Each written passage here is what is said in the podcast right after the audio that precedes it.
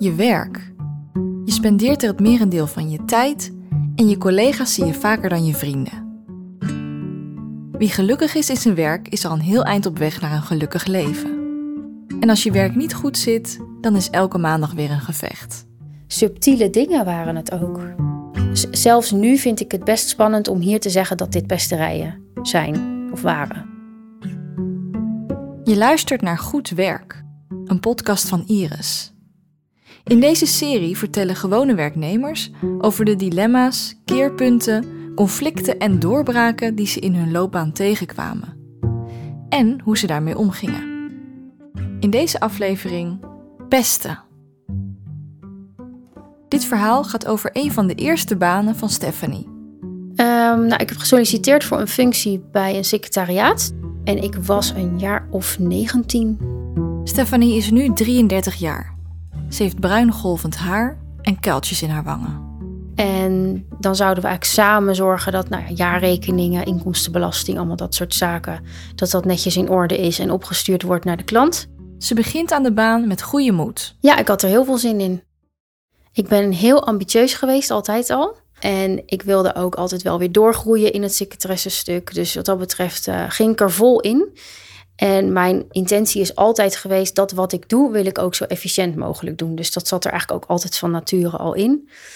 Uh, en dat deed ik dus ook daar. Dus als ik meerdere dingen, um, nou ja, meerdere jaarrekeningen bij wijze van spreken, tegelijk kon behandelen, waardoor het allemaal efficiënter en sneller kon, uh, dan deed ik dat ook. Efficiëntie, dat zit bij Stephanie ingebakken. Dat is niet alleen maar hoe kan ik het beste resultaat krijgen, maar op een gegeven moment ook hoe kan ik dat in zo min mogelijk tijd krijgen. In haar eerdere banen werkte ze in haar eentje. Het was voor het eerst dat ik echt met een secretariaat te maken had. Dus dat je wel echt het samen, eigenlijk hetzelfde werk doet um, en samen aan een bak werk gaat. En dat is achteraf gezien niet helemaal wat ik had hoe ik het had gehoopt, omdat daar het een en ander is uh, ontstaan, denk ik, qua wrijving. Meteen vanaf het begin merkt ze dat er een bepaalde afstand is tussen haar en haar collega's. Ik was op dat moment nou, een jaar of 19. Uh, zij zaten ergens in de 30. Um, en dat is wel een heel andere leeftijdsfase sowieso. Uh, dus, en zij waren ook vriendinnen van elkaar. Dus het was al best wel close waren zij. En ik had een beetje, nou ja, ik voelde me er een beetje bij hangen. Er is één moment waarop ze voelde dat het misging. Ik ben in december begonnen. En na een paar weken is natuurlijk de kerstdrukte is dan altijd. En dan moet ze, voor een bepaalde tijd moet de post klaar zijn. Zoals ik het me herinner is dat ik um, dat we best wel bezig waren met dingen afronden. En ik was nog met een paar zaken bezig. Natuurlijk net nieuw, dus ik was nog niet zo heel erg snel. en dan ben je daarmee bezig. En op een gegeven moment, ik zat met twee dames en die rookten allebei. En die hadden zoiets van, nou, tien voor drie, we gaan even een sigaretje roken. Want zij hadden hun stukje gedaan en ik was nog bezig. voor mijn gevoel zag je het aan mijn rode hoofd dat ik best in de stress zat. Ja, echt de, de druk van, oh, de post moet echt zo beneden, anders kan het niet weg. Uh, en zij lieten mij alleen. Dus ik voelde me echt in de steek gelaten op dat moment. En daar heb ik later ook een opmerking over gemaakt van ja, hè, kon je dan niet even wachten en daarna gaan roken? Um, en ja, sindsdien is er eigenlijk gewoon continu spanning geweest. Naarmate Stephanie beter is ingewerkt, gaat ze steeds efficiënter werken. En daar krijgt ze opmerkingen over. Ja, laat je ook nog even wat werk liggen, want anders heeft onze collega morgen niks te doen. En dan had ik zoiets van: oké, dus ik moet me nu ingehouden omdat de collega dan niks te doen heeft. Je inhouden, dat is een moeilijke opdracht voor Stephanie. Het gaat compleet tegen haar natuur in. Ik ben ook altijd van doorontwikkelen. Persoonlijke ontwikkeling vind ik super belangrijk. Um, dus zo ga ik ook mijn werk in. Ik wil altijd wat ik kan verbeteren, verbeter ik. En dat is iets wat ik gewoon uitstraal. Dat kan ik ook niet zo echt uitzetten of zo.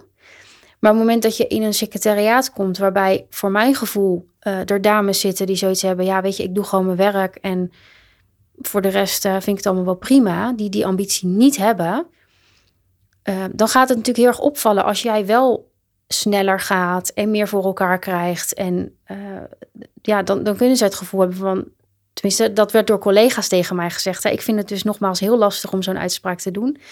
Maar ik kreeg wel genoeg collega's die tegen mij zeiden: Ja, het is toch een bepaald gevoel. Oh, nu moeten wij ook.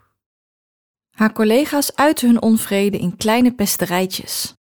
Het, het een soort van hele subtiele dingen waren het ook. Voor iedereen koffie of thee halen, behalve voor mij. Of uh, printjes van de printer halen en die van mij laten liggen. Het waren zulke subtiele dingen dat ik eigenlijk eerlijk gezegd tot de dag van vandaag nog steeds heel snel naar mezelf kijk van is het wel echt zo geweest? Heb ik me niet aangesteld? Ehm, ja, zelfs nu vind ik het best spannend om hier te zeggen dat dit pesterijen zijn of waren. Voor mij is er altijd eigenlijk één iemand geweest die voor mijn gevoel de leiding hierin heeft gehad. Ik zie ons nog precies zitten tegenover elkaar. Wij zaten tegenover elkaar. En ik weet nog dat ik met een, een grote, uh, grote kar zat met allerlei dossiers erop en zo. Dus ik was van alles aan het doen met dossiers. Volgens mij niet met archiveren, denk ik. Dat was ook best veel werk daar. En wat er precies gebeurde, weet ik niet meer. Maar op een gegeven moment gooide ze echt een opmerking naar mijn hoofd dat ik niet zo arrogant moest doen.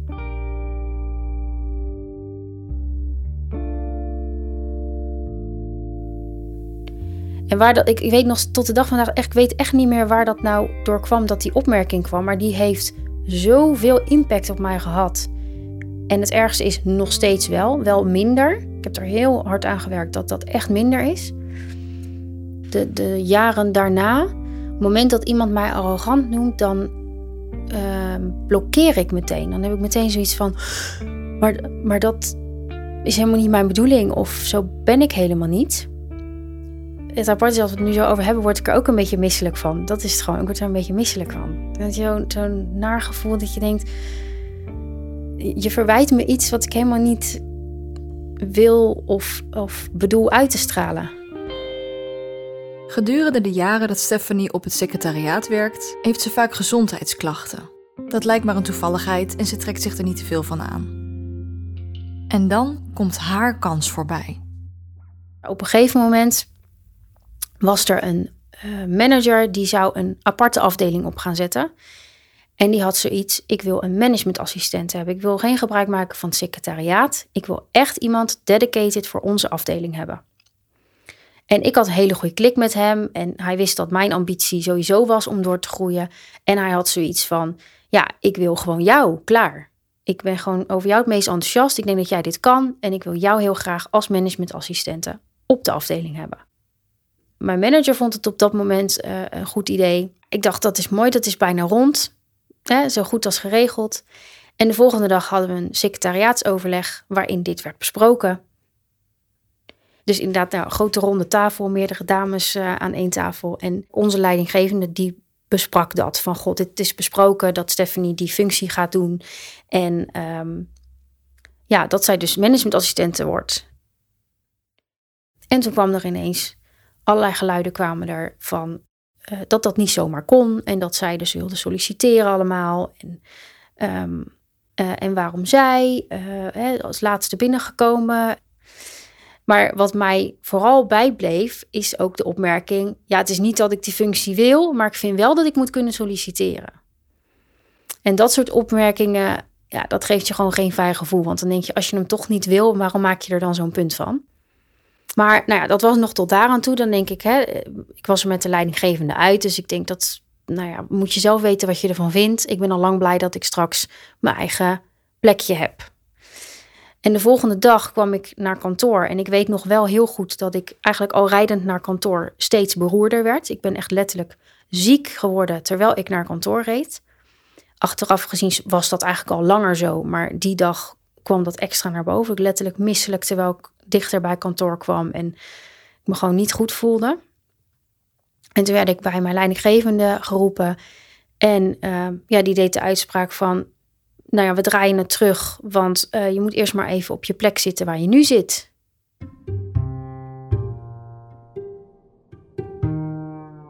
Ja, toen had ik echt zoiets van, ja, maar ik ga daar niet op mijn plek zitten, want ik voel me daar niet thuis. En dat wist ze ook heb ik wel aangekaart. Dus ik had zoiets van, ik ga me daar niet fijn voelen. Dus waarom laat je me zitten op een plek waar ik helemaal niet happy ben? Terwijl ik deze kan. En toevallig de dag na het secretariaatsoverleg is het ineens toch niet zo'n goed idee. Ja, ik vond het een beetje, een beetje raar verhaal. Um, en dat is eigenlijk het moment. Die dag heb ik nog wel afgemaakt. En de volgende dag kwam ik weer naar kantoor, weer steeds zieker.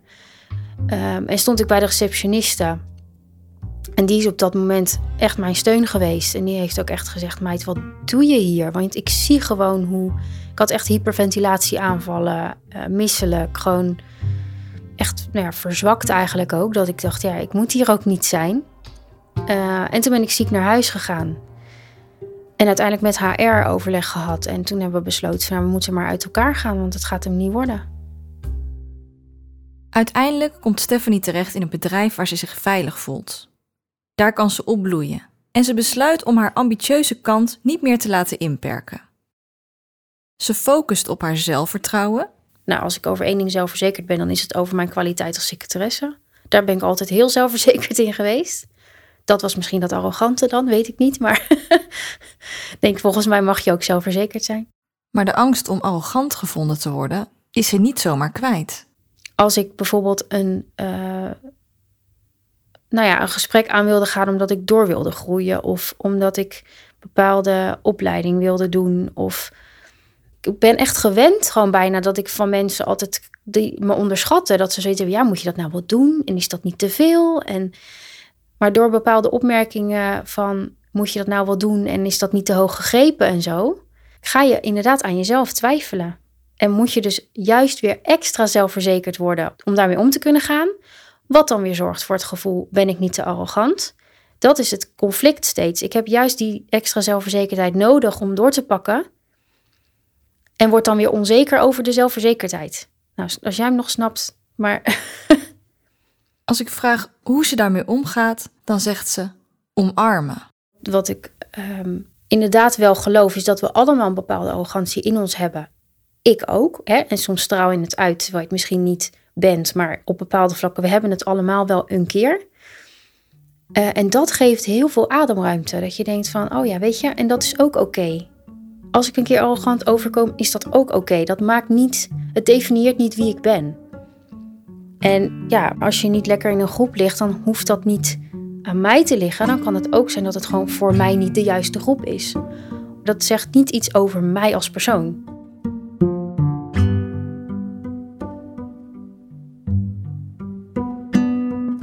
Luisterde naar Goed Werk, een podcast die je wordt aangeboden door MZ Services, Geerts Partners en ABGL.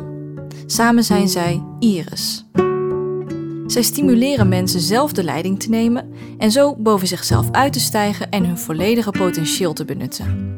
Met strategie, creativiteit, ervaring en een mensgerichte aanpak brengen ze medewerkers en organisaties verder. Interviews en montage Lotte van Galen. Research Iris Cohen. Techniek Arno Peters. Veel dank aan Stephanie.